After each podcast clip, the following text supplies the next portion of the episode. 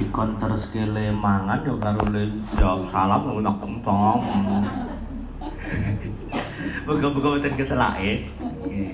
Bismillah walhamdulillah wassalatu wassalamu ala sayyidina Rasulillah Muhammad ibn Abdullah wa ala alihi wa sahbihi wa man walah Subhanaka la ilma lana illa ma 'allamtana innaka antal alimul hakim. Wa tub 'alaina ya maulana. Innaka antat tawwabur rahim. Amma ba'du. Alhamdulillah. Kita bisa ketemu lagi pengajian malam Jumat. Alhamdulillah ini istimewa. Biasanya lah saya hadir cuma malam Jumat apa? malam Jumat legi. Saat ini orang legi teko. Eh, saling ketane legi. Eh, tapi ketane legi. Alhamdulillah. Alhamdulillah Niki mungkin kulo pengen cerita. Yang mana insya Allah niki bosnya kulo campur gitu yang mana mudah-mudahan dengan cerita niki kulo panjenengan bisa mengambil manfaat bisa mengambil hikmah dan mudah-mudahan dengan cerita ini menjadikan kita termotivasi untuk lebih dekat kepada orang-orang yang cinta kepada Allah dan Nabi Muhammad Sallallahu Alaihi Wasallam. Cerita nopo? Niki Rajab. Ini bulan Rajab. Di mana bulan Rajab niku tepate tanggal pitu likur Rajab. Niku anten ada peristiwa ajaib. Ajaib ajaib niku nopo? Nah, nek kalau kita itu dengar kalimat ajaib yang terlintas di pikiran kita apa coba? Sesuatu yang luar biasa. Sesuatu yang luar biasa.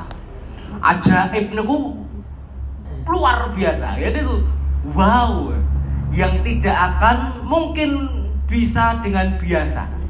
Oh, ajaib niku nek akeh. Tapi yang satu niku nek biasa nih Habib Syekh mengucapkan ajib. Oh, nanti ajib niku wow hebat, elok gitu. Nah, ajaib berarti ajibnya banyak. Sesuatu hal yang ajib, yang ajaib di bulan Rajab kita peringati nggih menika Isra wal Mi'rajnya Nabi Muhammad sallallahu alaihi wasallam. Mangke dibahas Isra niku napa, Mi'raj niku napa. Tapi niki Isra wal Mi'raj. Isra dan Mi'raj ini dua kejadian yang berbeda, tapi berurutan. Jadi ini bukan satu hal yang jadi satu, enggak. Rangkaiannya tapi dua kegiatan. Jadi dua kegiatan tapi berangkai. Misalnya wong kaya nikahan niku resepsi, itu apa durunge resepsi ana ijab. Tapi lah ya biasanya terus digabungke, digabungkan jadi satu menjadi yopi nikahan gitu kan. Tapi padahal acaranya ada ijab, ada resepsi langsung. Niki Isra dulu baru Mi'raj. Dan ini tidak akan mungkin terjadi setelahnya dan tidak akan mungkin terjadi sebelumnya. Jadi sebelum Nabi Muhammad SAW Isra wal Mi'raj nggak ada yang bisa. Dan setelah Nabi Muhammad SAW Isra wal Mi'raj barniku yo ya ora kejadian seperti itu tidak ada sebelumnya dan tidak akan ada lagi setelahnya. Saat ini dibahas dua kejadian niku. Isra Isra niku perjalanan pada waktu malam. Jadi jenengan mungkin mamane bengi-bengi kok tindakan tebih. Jenengan Isra. Pokoknya perjalanan pada waktu malam. Nek Mi'raj niku perjalanan naik. Hmm, jadi niki nak musim hujan ya. Musim hujan kok nek ana gendenge lagi bocor jenengan pamane Bu Sugiyah tangleti kalih putrane. Iku den adik jenengan niku. Mas Nur Mas Suryadi endi? Eh, Mas Sinten? Suryadi. Mas Suryadi endi? Oh, lagi Mi'raj. Lho kok Mi'raj? Oh, benake gendeng. Jadi Mi'raj itu pokoknya perjalanan ke ke atas. Jadi niki Isra niku isih ning donya. Isra itu masih ada di dunia. Sedangkan Mi'raj nanti naik keluar dari dunia menuju langit sampai nanti ke langit yang paling tinggi nggih menika Sidratul Muntaha. Gusti Allah taala ngendikaken a'udzu billahi minasyaitonir rajim. Bismillahirrahmanirrahim. Subhanalladzi asra bi'abdihi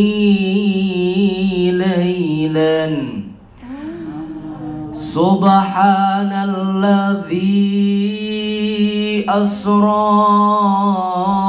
bi'abdihi laylan minal masjidil haram ilal masjidil aqsa من المسجد الحرام إلى المسجد الأقصى الذي باركنا حوله لنريه من آياتنا. إنه هو السميع البصير. Sadaqallahul azim Niku Gusti Allah menceritakan menjelaskan Subhanalladzi asra Moho suci Gusti Allah Sing sampun memperjalankan pada waktu malam hari bi abdihi Setunggal hambani pun nggih menika Kanjeng Nabi Muhammad sallallahu alaihi wasallam.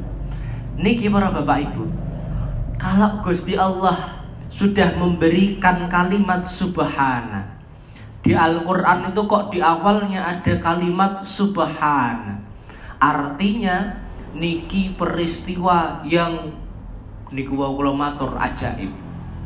Peristiwa yang tidak biasa. Dan peristiwa ini dinafikan oleh orang yang tidak beriman. Makanya biasanya kalau kita harusnya melihat sesuatu hal yang itu menyekutukan Allah suatu hal perbuatan yang membuat orang itu jauh dari Allah nyepelek ke Gusti Allah. Awak dewi melihat itu kita mengatakan subhanallah.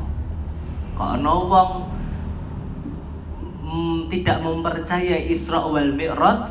Maka dari itu Allah katakan subhana. Maha suci dia Allah yang telah memperjalankan seorang hambanya di waktu malam minal masjidil harami ilal masjidil aqsa. Maka nanti jenengan kundur jenengan persani di peta. Nek ra duwe peta dunia niki teng mriki ana petane. Jenenge Google Maps. Nah, Google Earth atau lain-lainnya golek ada petanya. Masjidil Haram itu ada letaknya di Makkah Mekah saat ini negaranya jenenge Kingdom of Saudi Arabia Kerajaan Arab Saudi. Sementara Masjidil Aqsa ada di Palestina Yerusalem. Ada di kota Yerusalem negara Palestina. Jaraknya ada Jaraknya jauh. Nek pada waktu itu Motor mabur durung Mobil ya durung pit wae ya durung Makanya pada waktu itu orang-orang dari Mekah niku sudah biasa ke Palestina.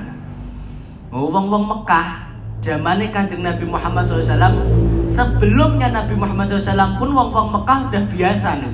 Pun biasa tindak teng Palestina. Gue ngopo? Dagang. Li ila fi Quraisyin ila fihim rihlat syita'i was wong-wong Quraisy niku mereka seneng bepergian. Rihlah bepergian. Mbok musime panas mbok musime adem. Bepergiane nggo ngopo? Dagang. Tekan ngendi? Syam. Tekan Palestina. Perjalanannya berapa lama? Numpak apa? Numpak jaran? Nek raya numpak onto perjalanannya satu kali jalan dari Mekah ke Palestina satu bulan. Oh, sesasi Jur makin berarti bolak-balik total ada dua bulan. Ter ya langsung balik. Eh coba Anda dari Jogja ke Jakarta berapa jam nek numpak kendaraan mobil? Sekitar 12 jam ya, nek macet. Tekan kono Jakarta, ra ngopo-ngopo njur langsung Bali. Berarti total 24 jam. Terus ya apa ngono, kesel. Makanya orang-orang Mekah, orang-orang Quraisy pada waktu itu perjalanan satu bulan, ya kan karena perjalanan ini niatnya tinggal dagang tadi kalau maka mereka berdiam dulu di Palestina di Syam itu selama satu bulan juga. Engko dagangane wis laris entek waktune Bali pulang satu bulan juga. Jadi sekali jalan mereka bisa menghabiskan Mekah Palestina niku tiga bulan. Nah, makanya bar Kanjeng Nabi niku Isra perjalanan saka Masjidil Haram ning Masjidil Aqsa terus Mi'raj saking Masjidil Aqsa naik ke Sidratul Muntaha. Bali-bali nih sesuk-esuke Kanjeng Nabi cerita tadi malam saya begini dan begini dan begini diceritake menungso liyane ora ana ling ngandel.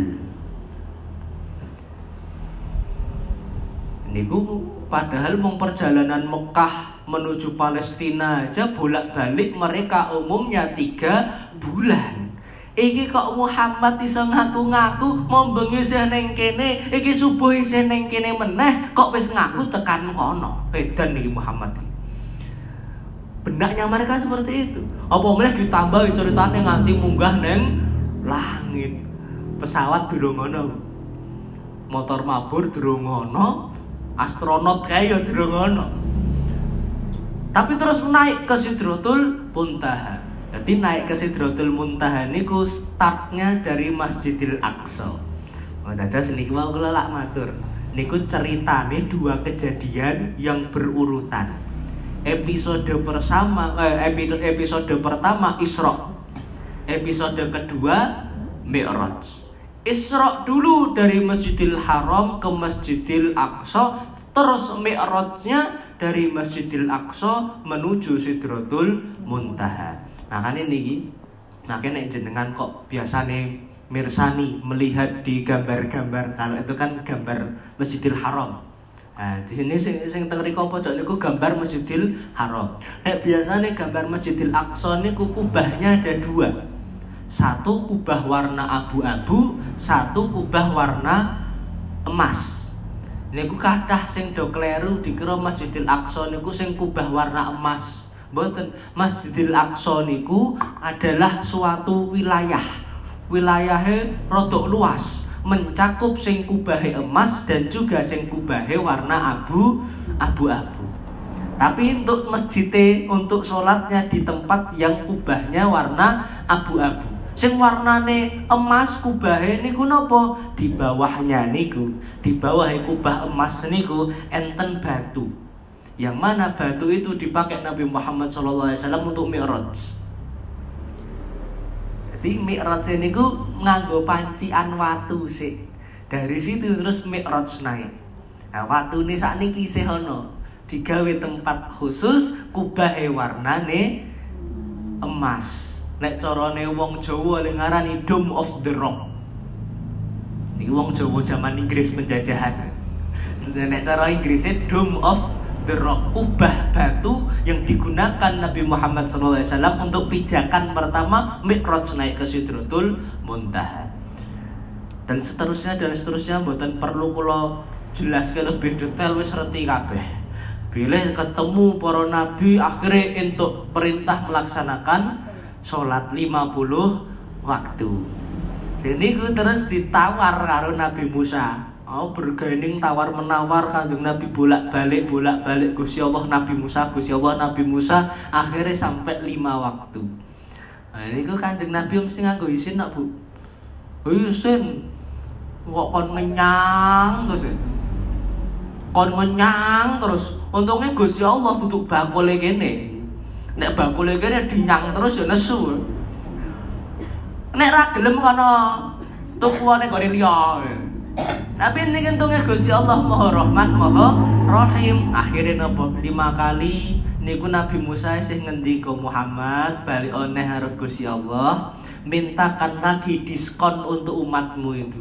Apa jawab Nabi Muhammad SAW? Wis udah malu ya saya beberapa kali dari 50 kok sampai 5 akhirnya Gusti Allah ngendika yang lima kali jika dilakukan bobotnya sama dengan 50 kali. Coba bayang kene awak dewi sak niki, le sholat masih 50 waktu.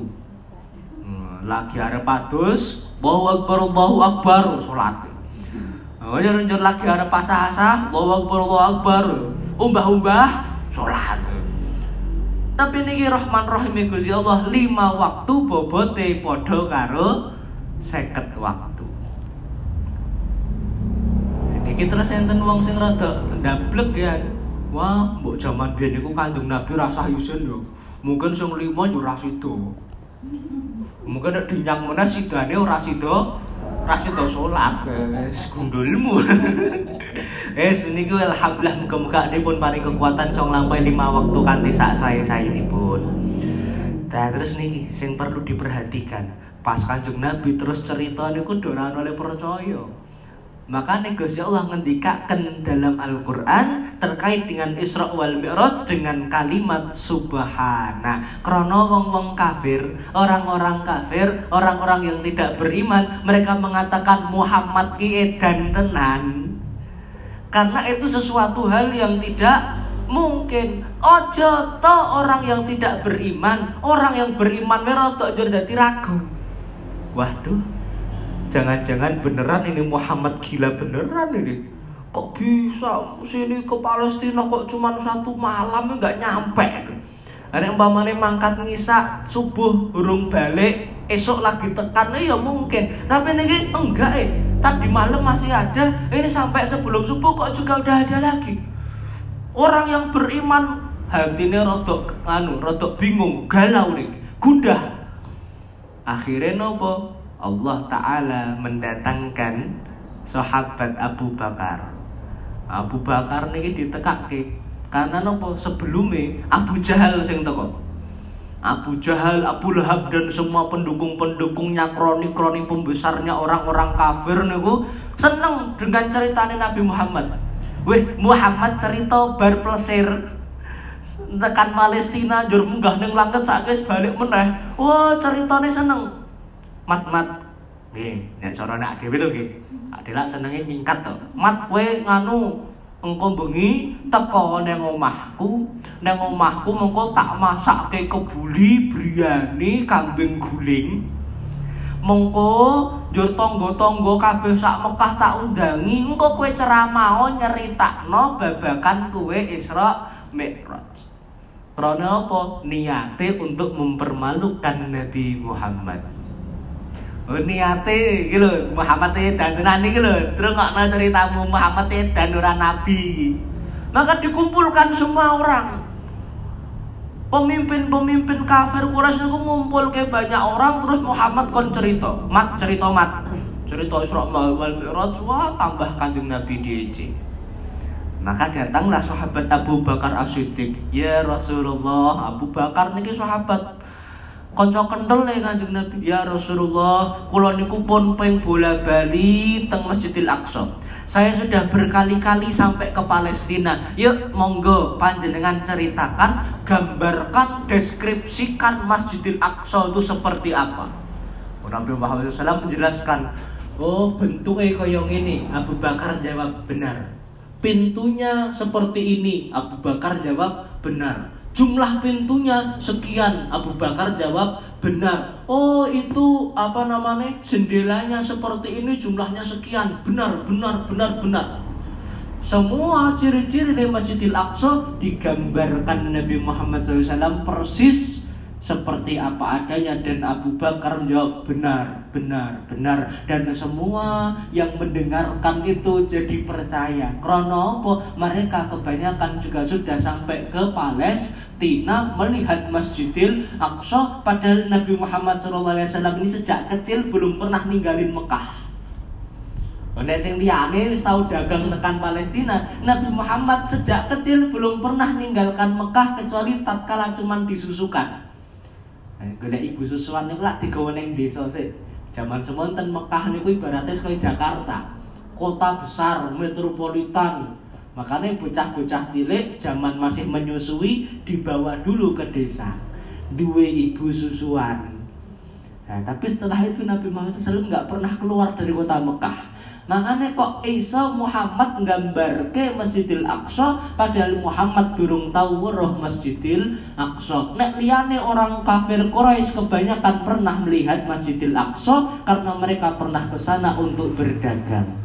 Oh makanya subhanalladzi asra bi 'abdihi lailan minal masjidil harami ilal masjidil aqsa. Ceritanya rampung. Ceritanya Kanjeng Nabi akhirnya ke apa jenenge yang tadi Nabi Muhammad SAW dituduh sebagai pembohong orang gila terbukti nyata. Enten meneh bukti nih nopo? Kanjeng Nabi cerita tadi malam saya lihat ada rombongan mau menuju ke Mekah. Rombongannya itu sekian orang.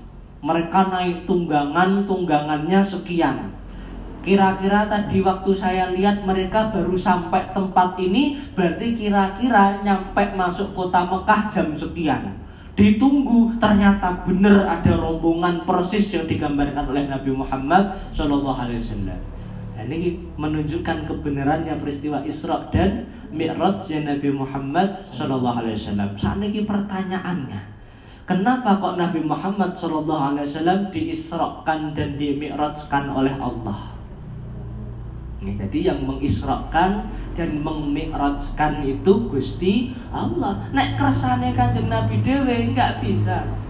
Kalau kemauan Nabi Muhammad Sallallahu Alaihi Wasallam sendiri nggak bisa. Contoh, saya kasih contoh. Saya ngomong, nggih. Jenengan nak perso omah kula. Jarak kula tekan Potorono aduh nopo cedak. Lumayan nggih. Nek saya mengatakan semut dari rumah saya katakanlah semut dari Tegal Rejo bisa sampai ke Potorono dengan percaya apa boleh ada semut dari Tegal Rejo bisa sampai ke Potorono percaya atau enggak kenapa kok percaya Hai Mas Agis pun pun perso ilmu nih. Oh, mungkin semutnya mau melebu neng tasku. Ya semutnya masuk ke tas saya, terus tasnya saya tak bawa masuk ke mobil. Di mobil tekan neng potorono, aku metu tasku yo metu, tak deleh neng kene semute metu. Semut Tegal Rejo bisa sampai ke Potorono. Kenapa bisa? Karena ada yang memperjalankan. Kalau semutnya itu jalan sendiri, Aja itu tekandeng dalan lagi betul bah wis begini nah. Kalau jalan sendiri nggak bisa, tapi bisa karena ada yang memperjalankan. Begitu juga Nabi Muhammad Sallallahu Alaihi Wasallam bukan berjalan sendiri, tapi diperjalankan oleh Allah Subhanahu Wa Taala. Lah, nek wes Allah yang memperjalankan, apa pun pasti jadi bisa apa pun pasti bisa nek sing ke Gusti Allah. Tapi kalau Gusti Allah nggak menggerakkan maunya manusia seperti apa, ya ora bakal bisa. Nah, pertanyaan tadi, kenapa kok harus Isra Mi'raj? Kenapa kok harus jalan-jalan? Kenapa kok harus dari Mekah terus ke Palestina, terus naik ke langit bertemu dengan Allah taala? Karena Allah ini menginginkan menghibur hatinya Nabi ingin menghibur hatinya Nabi Muhammad Shallallahu Alaihi Wasallam. Kenapa? Karena pada waktu itu kanjeng Nabi Muhammad Shallallahu Alaihi Wasallam keseripahan pengkale meninggal dua orang yang paling dicintai oleh Nabi Muhammad Shallallahu Alaihi Wasallam. Siapa itu? Pamannya yang bernama Abu Talib. Pamannya Nabi banyak. Nah, pamannya Nabi banyak. Tapi yang paling dicinta karena yang merawat Nabi sejak kecil adalah yang bernama Abu Talib. Maka enten pamane Nabi yang meninggal pada perang Uhud namanya Sayyidina Hamzah. Enten meneh eh, pamane Nabi ya sing sing tidak suka dengan Nabi menghalang-halangi dakwah nggih meneh kok Abu Jahal. Ini itulah tadi Nabi. Nek Abu Talib menikah ceritane Nabi Muhammad SAW katakan sejak dalam masa kandungan ayahnya sudah meninggal. Maka Nabi Muhammad SAW itu lahir dalam keadaan sudah statusnya anak yatim. 6 tahun kurang lebih ibunya meninggal. Udah nggak punya bapak, boten kagungan ibu, sing rawat sapa? Simbahe sih. Nggih menika asmanipun Abdul Muthalib. Lha niki kudu hafal nih. Simbahe Kanjeng Nabi asmanipun Abdul Muthalib. Abdul Muthalib ya sampun sepuh, sudah tua, mengatakan kepada salah satu putrane yang bernama Abu Talib, Lip Lip Talib, nggih Romo, kuwi ponakanmu Muhammad sakit lahir wis ra duwe bapak isih cilik mboke wis ya ora ana aku saiki kok ketoke umurku ya wis ora suwi. Wong aku le ambegan wis rada. Saya umurku wis ra suwi meneh le. Aku pesen nek sesuk aku wis ra ana kaya ponakanmu Muhammad tulung ngopenono Makanya sepeninggal kakeknya Nabi Muhammad SAW dirawat oleh pamannya yang bernama Abu Talib. Makanya sayang tenanan. Bahkan sampai niki kanjeng Nabi mulai dakwah mendapatkan risalah kenabian Nabi Muhammad SAW mem memperjuangkan dakwah niku orang-orang itu nggak berani berbuat jahat kepada Nabi Muhammad karena melihat Abu Talib. Abu Talib niku pejabat termasuk pimpinan tertinggi di kota Mekah. Pejabat. Jadi harus ngopok-ngopok ke Muhammad wes kita masih memandang Abu Talib. Nah ini pernah Abu Talib niku di dijejei Abu Talib mangkandak no ngono karo Muhammad ponakanmu kae. Kon ngendep nih. Kon nyembah Gusti Allah tok niku ora iso. Ade kudu sesembahane kudu oke okay, wong masalah kita juga banyak. Karena masalah kita banyak kita memerlukan Tuhan juga banyak. Pikirannya zaman biar nggak niku. Kok Muhammad tuh suruh nyembah Allah cuma satu? Eh suruh berhenti ngomong sama Muhammad ya Abu Talib kalau Muhammad pengen harta oh kami akan kumpulkan harta kami kasihkan ke Muhammad nanti Muhammad jadi orang paling kaya semekah kalau nanti Muhammad kok maunya pengen jadi pemimpin, oke siap kami lantik Muhammad jadi pemimpin kami. Kalau Muhammad pengennya untuk menikahi wanita tercantik sedunia, kami carikan. Kami carikan, kalau itu wanita sudah punya suami, kami bunuh dulu suaminya. Akan kami berikan kepada kamu Muhammad lewat Abu Talib nih ngomongin. Abu Talib terus ngomong ke mat mat ini wong-wong kue kon milih no dakwahmu dengan memilih tiga-tiga tadi berarti kon milih kekayaan, kekuasaan dan wanita. Nek carane apa Mas Agus harta tahta wanita. Oh ini godaan terbesar bagi kaum lelaki. Aku urung karuan iso. harta tahta wanita. Nabi Muhammad menjawab nopo? Andaikan diletakkan di tangan kanan saya matahari dan tangan kiri saya rembulan, saya tidak akan berhenti dari dakwah untuk mengajak orang menyembah Allah Subhanahu wa taala. Di perjuangan Abu Talib membela Nabi Muhammad SAW meninggal sedo dalam keadaan belum beriman. Jadi Abu Talib ini meninggal belum masuk Islam, belum pernah bersyahadat, makanya kanjeng Nabi sedih karena yang paling dicintai meninggal dalam keadaan tidak berislam. Terus yang meninggal selanjutnya menikah Ibu Khadijah. Siapa itu Ibu Khadijah? Istrinya Nabi Muhammad Sallallahu Alaihi Wasallam yang pertama dan pada waktu itu satu-satunya. Oh, jadi awak dhewe niku sok mireng oh Nabi Muhammad itu istrinya banyak.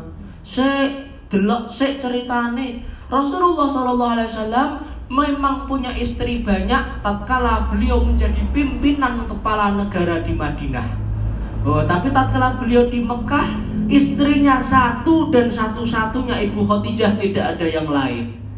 Bahkan tatkala Ibu Aisyah Niki salah satu garwane kanjeng Nabi ditanya oleh sahabat Ya Aisyah di antara istri-istri lain itu siapa yang paling kamu cemburui ini lah eh, ma marumu lah akeh ora mung siji ora mung loro akeh marumu iki Nah, sing paling tok cemburu niki maru sing ngendi? Ibu Aisyah menjawab, yang paling saya cemburui adalah Ibu Khadijah. Loh kok sakit? Kok bisa? Bukankah Khadijah tidak sejaman dengan kamu? Biasanya nek maru niku lah anu nih umpamane napa sing di sing di mereni niku lah yang masih bersama gitu. Pamannya menjadi istri dalam satu waktu. Nah, ini yang dimereni, dimereni apa? Nah, dicemburui adalah istri yang malah sudah pernah meninggal, dahulu meninggal lama banget. Ibu Aisyah menjawab, karena Ibu Khadijah itu yang paling dicintai oleh Nabi Muhammad Shallallahu Alaihi Wasallam. Walaupun Ibu Khadijah sudah meninggal, kanjeng Nabi itu nek lagi beleh, beleh wedus, berarti tondone pesta ya. Mesti niki bagian wedus dibagikan kepada sahabat Khadijah. Jadi kanjeng Nabi reti, bojoku mbiyen ki punya sahabat punya temen-temen konco-konco kental. Nah aku kok lagi beleh wedus pesta ini kasihkan makanannya untuk teman-temannya Khadijah. Kenapa kok Nabi Muhammad SAW cinta banget sama Ibu Khadijah dan kematiannya Ibu Khadijah meninggalkan luka yang sangat dalam di hati Nabi Muhammad? Karena Ibu Khadijah pun bantu perjuangan dakwah cul-culan. Cul-culan Loh, perjuangan dakwah emang ngopo kok ngedadak nganggo cul-culan? Eh, perjuangan dakwah memang butuh dana. Butuh bahan bakar. Ngadake pengajian yang nganggo senek. Ngundang wong yang nganggo nganu dihormati ngunjuk. Lah niku nganggo perjuangan dakwah. Alhamdulillah Ibu Khadijah niku wong sugih. Walaupun Ibu Khadijah itu dinikah Nabi dalam keadaan janda, tapi itu jande kaya raya. Oh janda kaya raya, high quality janda. Oh janda berkualitas tinggi, janda paling cantik se-Arab.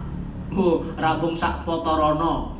Sak Arab itu paling ayu Ibu Khadijah walaupun janda. Banyak yang mau menikah dengan Ibu Khadijah. Sugih meneh bisnisnya internasional tatkala Nabi Muhammad SAW memulai dakwah Islam membutuhkan dana dana nih ngopo? Kebanyakan yang memeluk Islam pada masa awal adalah budak. Datur tukon yang mana tatkala mereka itu ketahuan lagi sholat mereka ketahuan mengikuti Muhammad mereka ketahuan memeluk agama Islam langsung seret bawa ke padang pasir di PP jemur kon ngopo? Ngomong kowe metu saka agamane Muhammad? Ora gelem ora termasuk kisah yang paling fenomenal adalah Bilal bin Rabah. Di PP di PP ini ramong di kon berjemur tok Bu. Teturon ditali tangane ditali kedua kakinya kaya X ngoten niku. Seperti huruf X. Terus di atasnya ditimpakan batu besar Suruh apa? Keluar dari agamanya Muhammad. Bilal bin Rabah jawabin ahadun ahad. Ahadun ahad. Aku mau nyembah Gusti Allah sing satu saja. Enggak ada Tuhan lain, cuma satu, cuma satu Allah, Allah, Allah. Nah itu Nabi Muhammad SAW melihat budak-budak yang diperlakukan seperti itu sama Nabi Muhammad SAW di, dibeli. Karena nggak mungkin dibebaskan tanpa dibeli. Zolim nanti. Karena apa? Para budak ini dimiliki untuk dibeli. Jadi juragane tuku budak. Nah, makanya Nabi Muhammad SAW kalau mau memerdekakan, mau membebaskan budak niku ya harus membeli dari juragane. Makanya Ibu Khadijah duwe kalung cul, duwe gelang cul, duwe anteng-anteng cul, duwe kelambi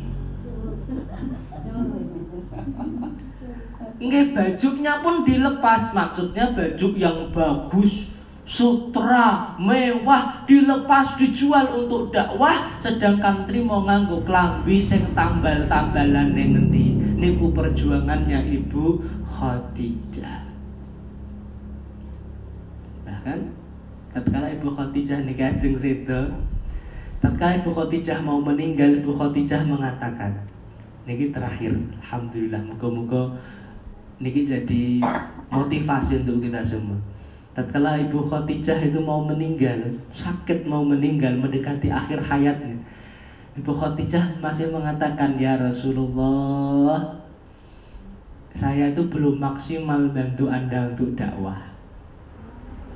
Nanti kalau saya sudah meninggal, saya dikuburkan, Anda masih membutuhkan bantuan untuk berdakwah, maka ambillah apa yang bisa Anda manfaatkan dari sisa-sisa jasad saya. Tulang saya pakai untuk membuat perahu untuk dakwah. Cara dini bosone ngoten niku. Kalau bisa tulang saya itu bisa dijadikan untuk perahu, gunakan untuk perahu.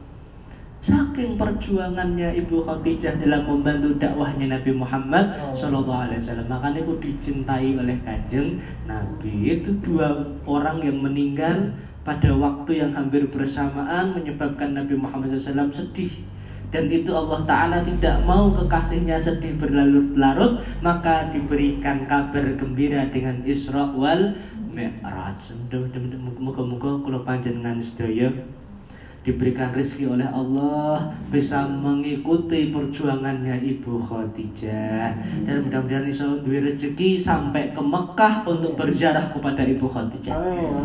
Ibu Khadijah itu dimakamkan di Mekah di pekuburan namanya Makla. Makla. Tadi kan Makla apa Maklam uh, ada pekuburan di Mekah itu namanya Makla. Ada satu ulama besar di Indonesia yang beliau memang mondoknya di Mekah. Terus beliau ini cinta banget sama Ibu Khadijah. Termasuk salah satu kosidah yang beliau suka adalah kosidah yang bertawasul kepada Ibu Khadijah. Sinten niku Simbah Yai Maimun Zubair. Rembang.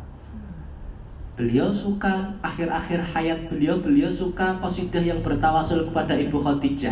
Satuna fi dunya fawzuna fil ukhra bi Khadijatal kubra wa Fatimah az-Zahra bi Khadijatal kubra wa Fatimah az-Zahra Fasaduna fid dunia. Seneng neng dunyo, fauzuna fil ukhra mulya neng akhirat, beruntung di akhirat. Bi Khadijatul Kubra dengan keberkahannya Ibu Khadijah Al Kubra wa Fatimah Az-Zahra dan anaknya yang menika Fatimah Az-Zahra. barokahnya Mbah Maimun Zubair niki tresno karo Ibu Khadijah meninggalnya Mbah Maimun Zubair meninggal di Mekah dan dimakamkan di satu kompleks dengan ibu Khadijah. Awak dia mungkin nggak bisa. Sakit nek jenengan kok sedurunge ning Mekah musake teng mriki ngrepot engko. Wis mung ning ndi wae sing penting meninggal husnul khotimah. Yang penting hati kita tetap bersatu dengan Ibu Khotijah. Sok neng swarga berkumpul karo Ibu Khotijah. Amin amin ya Robbal alamin. Ya Robbana ya Robbana bil mustafa qabalna wa ajib da'wana. Anta lana ya dukhrana fi hadhihi dunya wa fi ukhrana ashrih lana al ahwal. Waghfir dhanbana washfi marbana ya rabbi wajma'na wa ahbaban lana fi darikal firdaus ya rajwana. Bil mustafa sallallahu alaihi wa alihi mahraqatul husba awsana ربنا آتنا في الدنيا حسنة وفي الآخرة حسنة وقنا عذاب النار. اللهم بارك لنا في رجب وشعبا وبلغنا رمضان بسر الفاتحة. بسم الله الرحمن الرحيم. الحمد لله رب العالمين. الرحمن الرحيم مالك يوم الدين إياك نعبد وإياك نستعين اهدنا الصراط المستقيم صراط الذين أنعمت عليهم غير المغضوب عليهم ولا الضالين آمين آمين يا رب العالمين Alhamdulillah sampun jam 11 kurang sak jam Ya, alhamdulillah. Mugi-mugi wekdalipun manfaat barokah. Nggih, mugi-mugi panjenengan pun paringi rezeki halal kathah barokah sok ketemu ngaji neh utange wis lunas. Saking kula kula akhiri kula wangsulkan dumateng Pak Haji Mulyono. Wassalamualaikum warahmatullahi wabarakatuh